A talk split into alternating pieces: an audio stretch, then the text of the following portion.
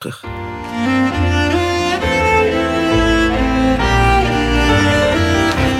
Het spoor terug. Ja, en dan nu Civilize Yourself. Zangeres Beyoncé bracht afgelopen week haar nieuwe nummer Formation uit. Met allerlei verwijzingen naar Black Power. De term werd 50 jaar geleden voor het eerst geïntroduceerd. En dat ging niet zonder slag of stoot. Een documentaire van Laura Stek, een eindmontage met Alfred Koster.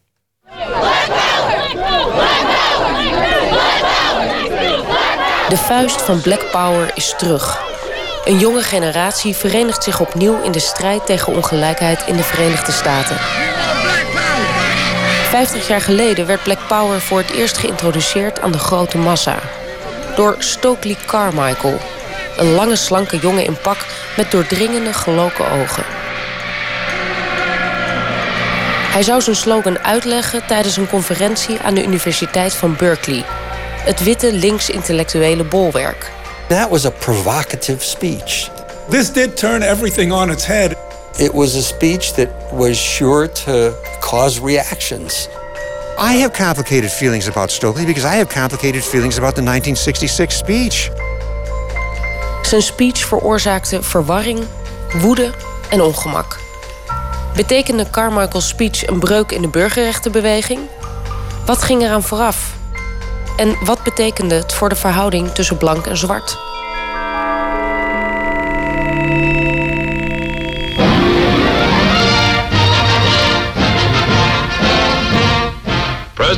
Even wat context. Want er zijn in de jaren 60 verschillende stromingen binnen de burgerrechtenbeweging. De oudste organisatie is de NAACP, die vooral via rechtszaken gelijkheid opeist. Ze hadden de desegregatie van het onderwijs in 1954 erdoor gekregen. Op papier dan. En er is de Southern Christian Leadership Conference van dominee Martin Luther King. It is a dream deeply rooted in the American dream. De Bijbel was een grote bron van inspiratie. En uh, dan het idee van, nou ja, wij geloven in the American Dream. Amerikanist Maarten Zwiers. En wij kunnen ervoor zorgen dat blank en zwart uiteindelijk gelijk worden.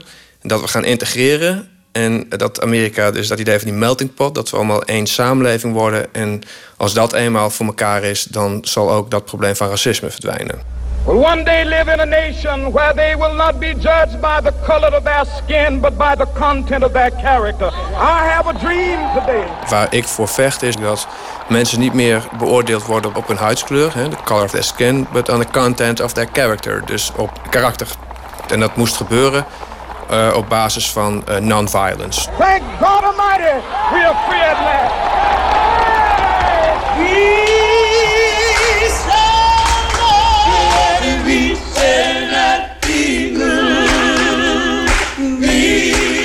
Begin jaren 60 staat er een nieuwe generatie op. Die zich niet alleen keert tegen segregatie, maar ook tegen de oudere, vaak religieus geïnspireerde activisten. Een van die nieuwe organisaties is de Student Nonviolent Coordinating Committee, oftewel SNCC. SNCC is een hele belangrijke organisatie geweest omdat ze een andere strategie gingen gebruiken. Zij waren niet zo geïnteresseerd in het organiseren van rechtszaken, eh, maar zij waren veel meer gericht op uh, wat je direct action noemt.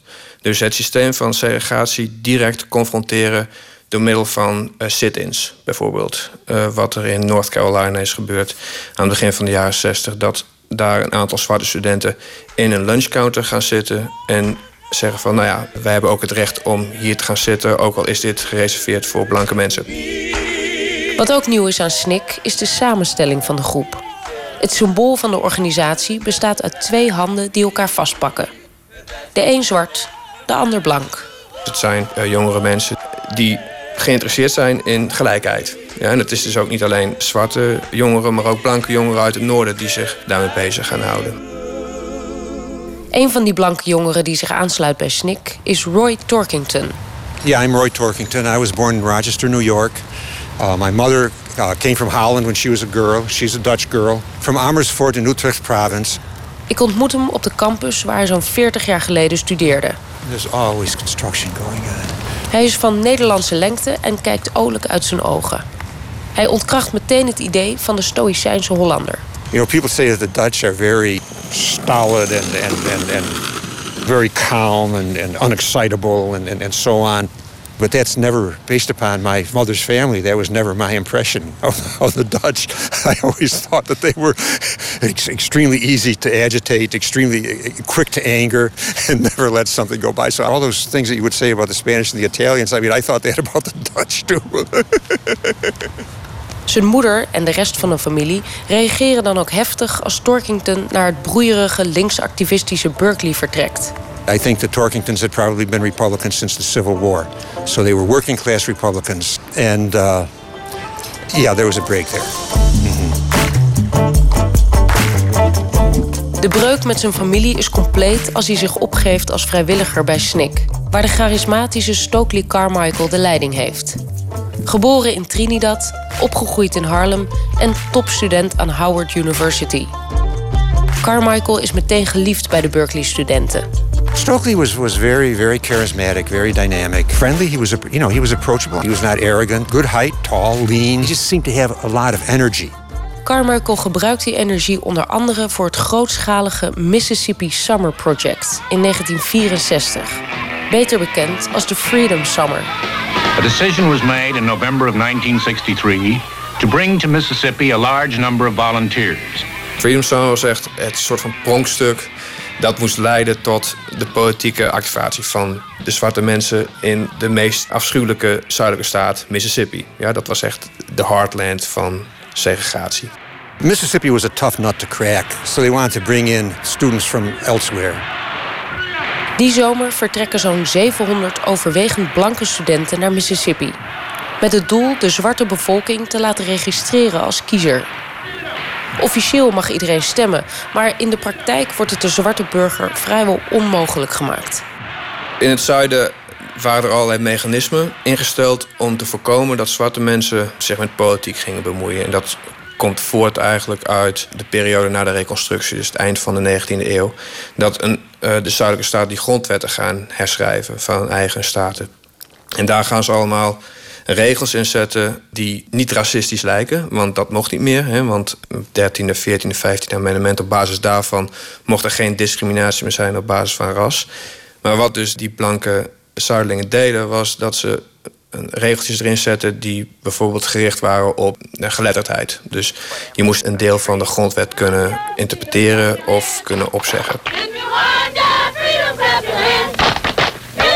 Maar zelfs als je door alle testen en regeltjes heen komt, is er nog de werkgever die je niet laat gaan. Of pure intimidatie. I hadn't really seen the South and it was a different world and a very dangerous world also. Het was heel erg gevaarlijk. Uh, want je ziet ook dat in die periode dat de uh, Ku Klux Klan ook weer heel erg actief wordt. En een soort van terroristische club van blanken die probeerden zwarte te intimideren om niet te gaan stemmen.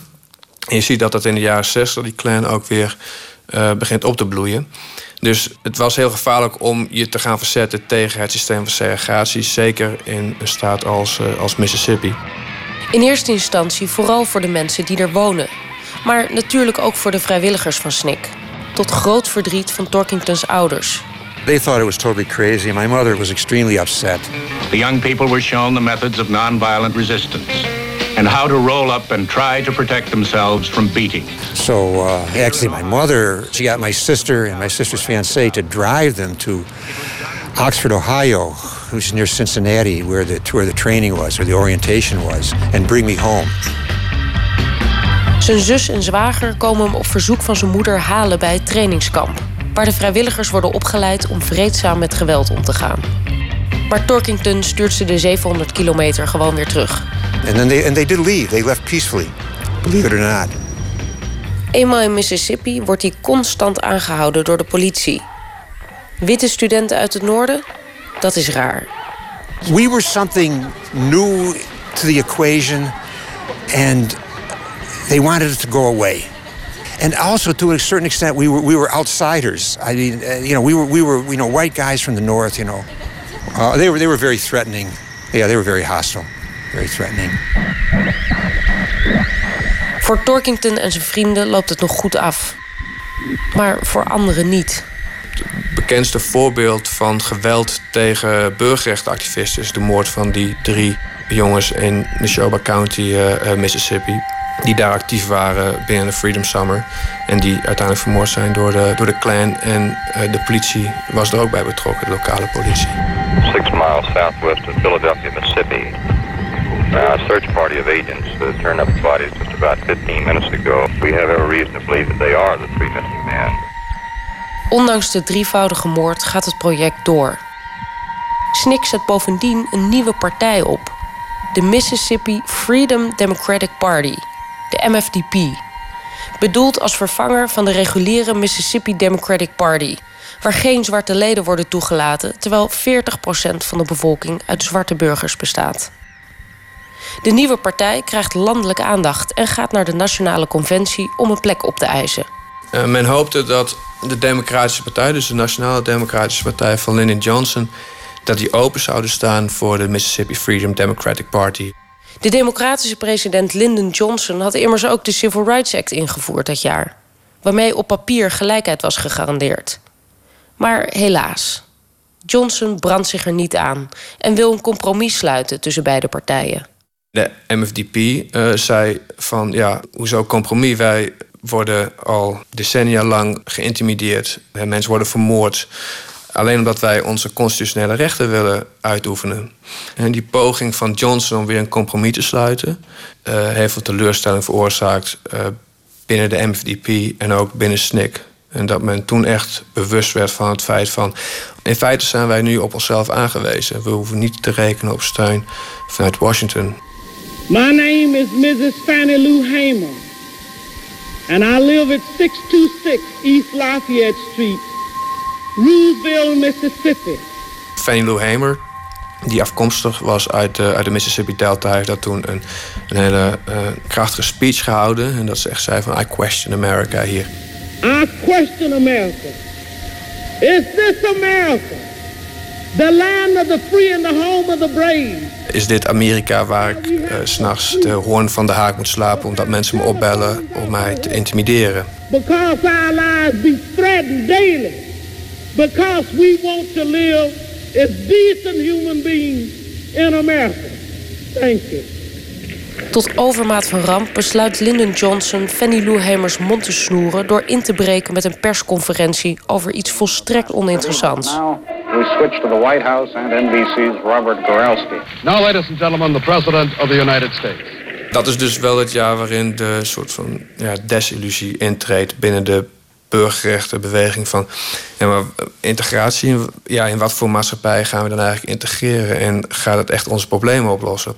En de Civil Rights Act is ingevoerd in 64, maar dan heb je stemrecht en dan worden je burgerrechten worden beschermd, maar de grotere problemen zijn daarmee niet opgelost. En dan heb je het over problemen als huisvesting en onderwijs. Daar zit een veel diepere geschiedenis achter, die eigenlijk al sinds de dagen van de slavernij zich had opgebouwd. En er gebeurt nog iets dat jaar. Activist James Meredith besluit die zomer 220 mijl af te leggen. Van Memphis, Tennessee naar Jackson, Mississippi. In zijn eentje, wandelend, met een Bijbel in zijn hand. Nou, wat gebeurt er nu? Zodra Meredith uh, de grens oversteekt van Tennessee naar Mississippi, uh, wordt hij daar onder vuur genomen door een blanke racist. En dat is natuurlijk een belangrijk moment eigenlijk. Als je alleen maar over straat loopt hier, dan kun je gewoon onder vuur genomen worden. A black mercenary is a man who can get killed on a foreign land and come home and can't get a decent burial in his hometown. We are mercenaries. Dit is Stokely Carmichael, die samen met Martin Luther King en anderen die zogenaamde March Against Fear van Meredith afmaakt. Het is tijdens die tocht dat hij de term Black Power scandeert. The phrase shouted by a 25-year-old revolutionary on a Mississippi highway. We want black power. Het was geen nieuwe term. De meer controversiële Malcolm X had het bijvoorbeeld al eerder gebruikt. Maar Carmichael krijgt landelijke aandacht.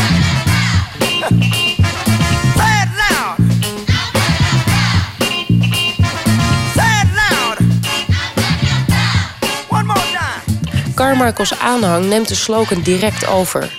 Maar bij de gevestigde orde en in de media ontstaat er onrust.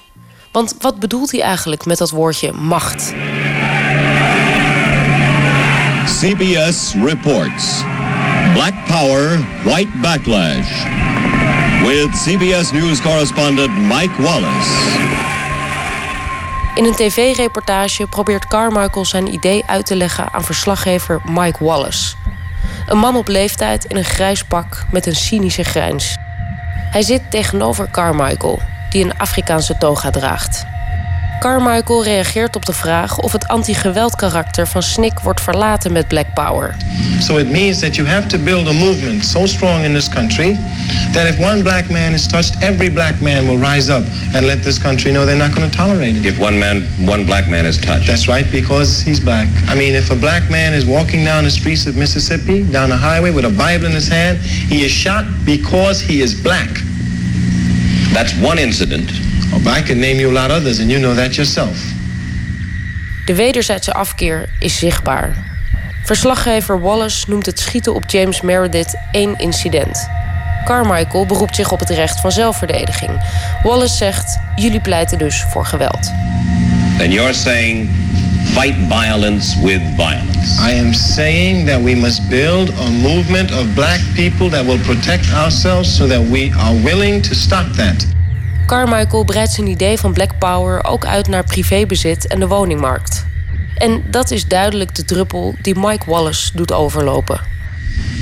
Then secondly, we have to move to a position where we can control the housing in our neighborhoods so that we're not exploited, so that we're not charged high rents to share apartments with rats. And it has nothing to do with the unwillingness or inability of the Negro to help himself and to work hard. That's the rationale that the reason why black people aren't this is because they're lazy, unambitious, stupid, have rhythm and they eat watermelon. En zo eindigt het interview zoals veel interviews in die tijd eindigen. Terug bij het cliché.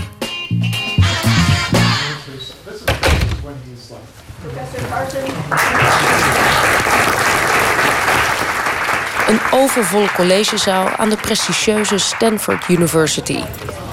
Hier spreekt professor Claiborne Carson. Nu de Martin Luther King-kenner, vroeger actief in de burgerrechtenbeweging en bekend met Carmichael. I wanted to be like him.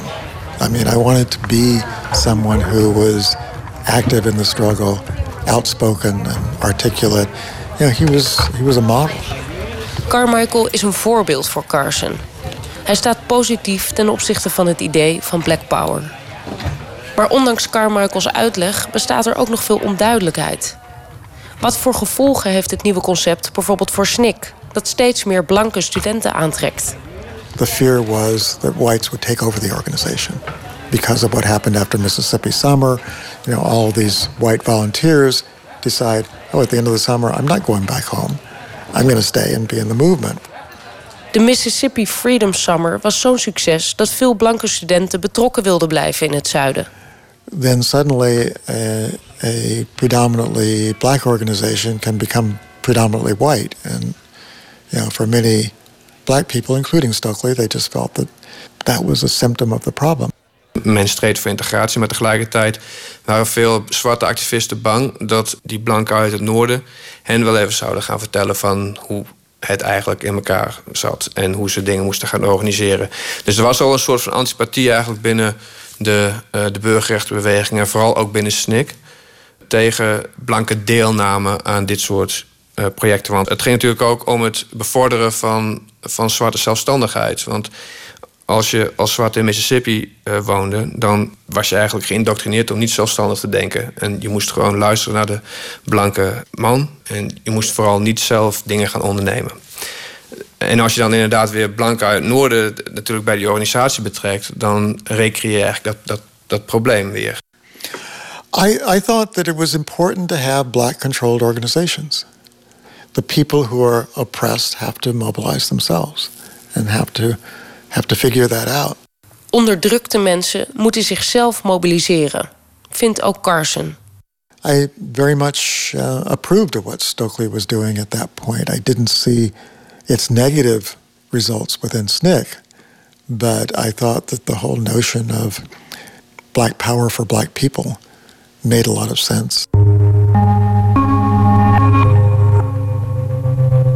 Om de boodschap van Black Power beter uit te leggen aan de massa, maakt Stokely Carmichael in het najaar van 66 een tour door Californië. I have a dog. She's very friendly, but she'll bark at first. I hope you're Een van de blanke stafleden van SNCC rijdt hem in die periode van locatie naar locatie. Mike Miller is zijn naam. Come say hello. Come say hello. That's Laura. Miller is een kleine gedrongen man met een baardje. Aan de muur van zijn volgepropte huisje hangt een foto waarop hij bewonderend omhoog kijkt naar Carmichael. He's, he's looking good, right? He's always looking good. Hij is nog steeds fulltime activist, vertelt hij. Everybody's fight for justice is my fight. Women's, gay people, black people, Latino people. That's my fight. That's who I. That's what I'm about. I mean, if you want to use religious terminology, that's my calling.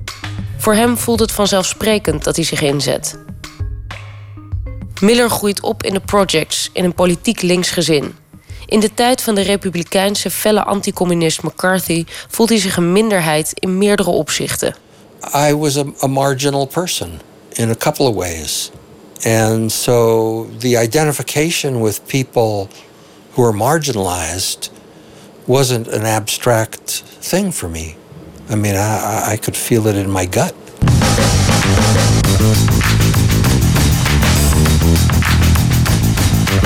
Mike Miller is Carmichaels rechterhand die zomer. Ze rijden richting Berkeley voor de speech en zien ondertussen in cafés en motels het groeiend aantal mediaberichten. The newspapers, television, they were having all these scare stories about black racism, black power equals black racism, all kinds of nonsense like that. It was here in Mississippi this summer that Carmichael, with his cry for black power, first became a national figure and to many a frightening one. Wherever he was going, I mean, he was the big draw. I mean, even white people who disagreed with black power wanted to hear what he had to say.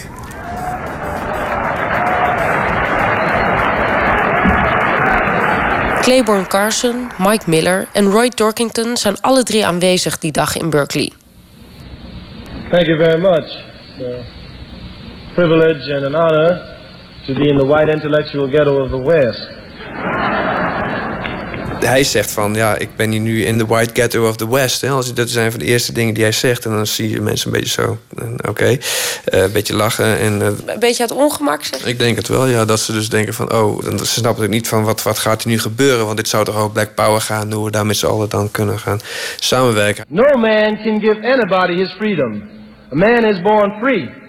You may enslave a man after he is born free. And that is in fact what this country does. It enslaves black people after they're born. Wat Carmichael natuurlijk doet in die speech... is dat hij zegt van... ja, maar jullie hoeven ons niet te vertellen hoe wij moeten leven. Jullie moeten naar je eigen gemeenschap gaan... en je moet de mensen daar vertellen van wat er fout is aan Amerika. I know I can live any place I want to live. It is white people across this country who are incapable of allowing me to live where I want to live. I know I can live where I want to live. Now, when the missionaries came to... Dan volgt er een stuk over de hypocrisie van de missionarissen die de zogenaamde ongeciviliseerde Afrikanen willen bekeren. Over de superioriteit van Amerika ten opzichte van de wereld, met een verwijzing naar de oorlog in Vietnam. En over de pest van het kapitalisme. Het publiek haalt even adem, want daar staan ze ook achter. Maar dan slaat Carmichael nog harder terug. Het gaat niet meer over de blanke regering of de blanke racist.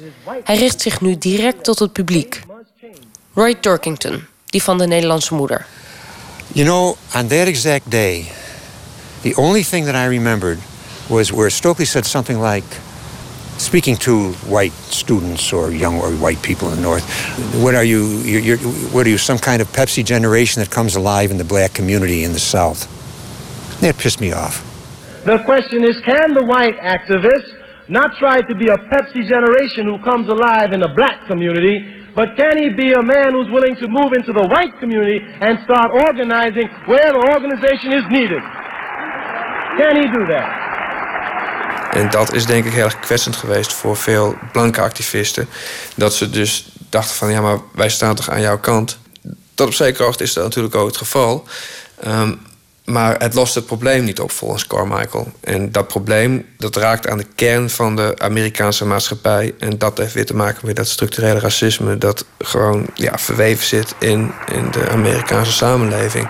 The question is, can the white society or the white activist disassociate himself with two clowns in feite zegt Carmichael dus... jullie hadden allemaal verwacht dat ik zou uitleggen wat Black Power precies is. Maar eigenlijk moeten jullie uitleggen hoe het zit met de blanke overheersing. Ik denk dat dat ook een retorische truc is van hem. Dat dat de enige manier is om ze uit die ivoren toren te trekken. En daar heeft hij het ook over in die speech. Van jongens, jullie moeten goed nadenken waar, waar je zelf deel van bent. Maar Torkington voelt zich miskend. Hij had zich ingezet in Mississippi, gebroken met zijn familie... en nu behoort hij opeens tot de verwende Pepsi-generatie. I thought because some people got dead.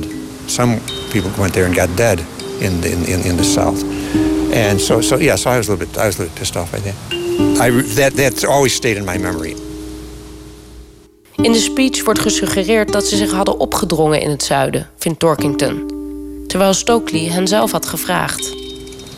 They were asked to come by the organization, so it, it, it wasn't. And if you listen to the 1966 speech, you would never realize that. I think they would think that people were were intruding, that there was this there was this intrusion of uh, unnecessary or un, you know not particularly wanted white people. It is incapability of whites to deal with their own problems inside their own communities. That is the problem of the failure of the civil rights bill. Niet alleen de blanke studenten worstelen met Carmichael's toespraak. Ook Claiborne Carson vindt het lastig om zichzelf binnen Black Power te positioneren. I was troubled by his uh, kind of the implication that there was no role for black-white unity in the movement. Hij vindt het goed dat er een zwarte leiding is bij SNCC. Maar helemaal geen samenwerking gaat hem te ver. Bovendien is er onduidelijkheid over het gebruik van geweld. Want wat is de grens precies tussen zelfverdediging en ongecontroleerde woede? Tot slot heeft hij moeite met Carmichael's idee van het pan-Afrikanisme. Dat de zwarte bevolking over de hele wereld zich moet verenigen op basis van een gedeelde cultuur. There was a, tendency with, at the time called cultural nationalism. That there was something distinctive about black culture, that that's what black people should unify around. It just didn't make very much sense for a racial minority in America to think that by forging our primary ties with black people throughout the world, that that somehow was going to change the reality here in, in America um, the whole notion of blackness became a wedge among black people. Het veroorzaakt een breuk binnen de zwarte gemeenschap, zegt Carson.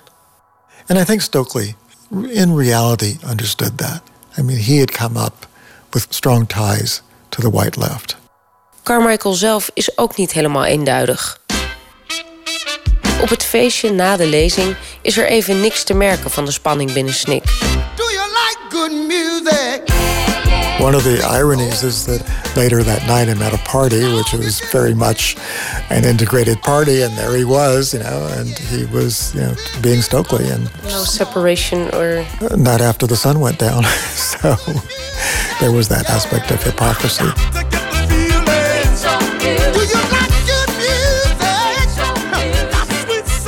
Maar ochtends breekt de politieke realiteit weer aan. Dat merkt ook SNIC-staflid Mike Miller. Hij zoekt naar woorden om te formuleren wat hij er precies van vindt. Well, uh, well, uh, that decision itself, as a political decision, uh, it didn't really bother me. What bothered me more was that people with whom I had been, I thought, pretty close, decided they didn't want to talk with me anymore were treating me like I was the enemy. That was painful. Als je dus een, een ideaal hebt waar je voor wil strijden, en dat ideaal is black power en uh, trots op de eigen cultuur. Ja, als je daar opnieuw een compromis mee gaat sluiten, dan ben je in feite weer hetzelfde aan het doen als wat gebeurde in Atlantic City of die conventie. En, en, en Dat kon volgens Carmichael gewoon niet meer op dat moment. Je hebt misschien blanke vrienden, maar die worden dan slachtoffer eigenlijk van deze grotere gedachten. Stokely was confused on that. You know, he, he went through a difficult time and, and his life um, was uh, very complex. Twee maanden later wordt er een vergadering belegd. Mike Miller is er ook bij. And that meeting in December 66, SNCC voted to uh, no longer have white people on the staff. So I was there. I was one of the last of the white people anyway. De twee laatste blanke stafleden, waaronder Miller, worden weggestemd. It was clear that we, white people, uh, our time in SNCC had passed. Uh, so, so there was no we anymore then. Not not of black and white together. No, no, that's right.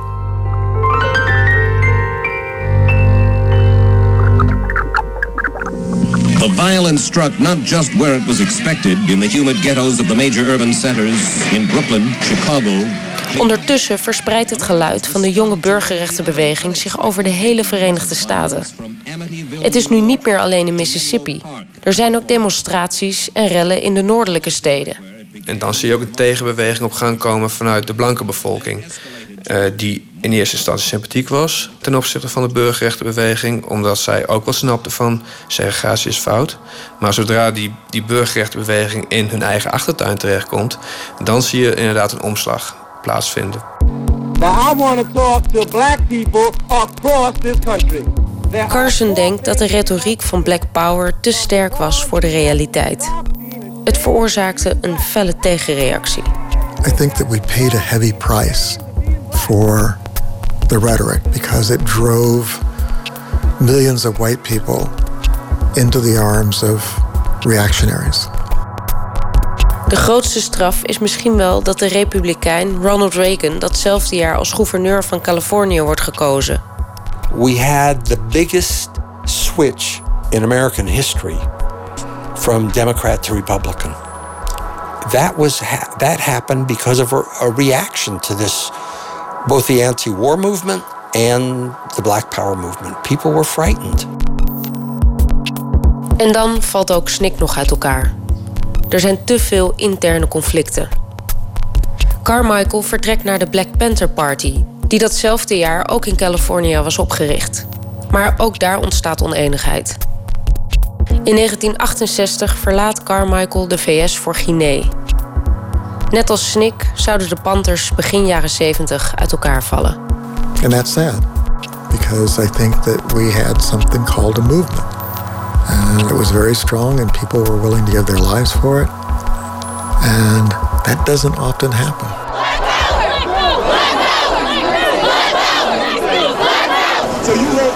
Inmiddels is er een nieuwe beweging op gang gekomen. Black Lives Matter. Carson is kritisch over de beweging. Of course Black Lives Matter. You know, that should be a given. It's asking for so little because they've never experienced a politics of asking for so much more. Zijn hoop is dat de beweging zich ontwikkelt tot een echte revolutionaire brede partij. Precies zoals zij dat hadden in de jaren 60. Maar dan zonder de bijbehorende problemen. I can see in five, ten years how we might be able to get back to the late 60s, but now with a greater understanding of how to avoid the problems of the late 60s. And uh, that's my hope. Mr. Carmichael, if you had the chance to stand up in front of the white community and say anything you desired, say to him, understand me, white man, what would you say? I would say, understand yourself, white man, that the white man's burden should not have been preached in Africa, but it should have been preached among you.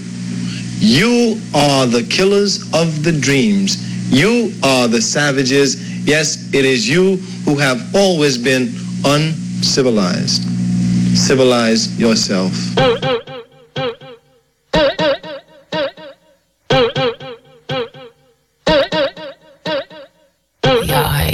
Corny with that Illuminati mess. Paparazzi, catch my fly and my cocky fresh. I'm so reckless when I rock my Givenchy dress. I'm so possessive, so I rock his rock necklaces. My daddy Alabama, mama Louisiana. You mix that Negro with that Creole, make a Texas Bama.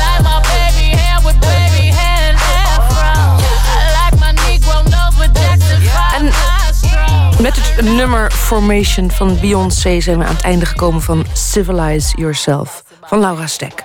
Met dank aan Barbara Stack en Amerikanist Maarten Zwiers.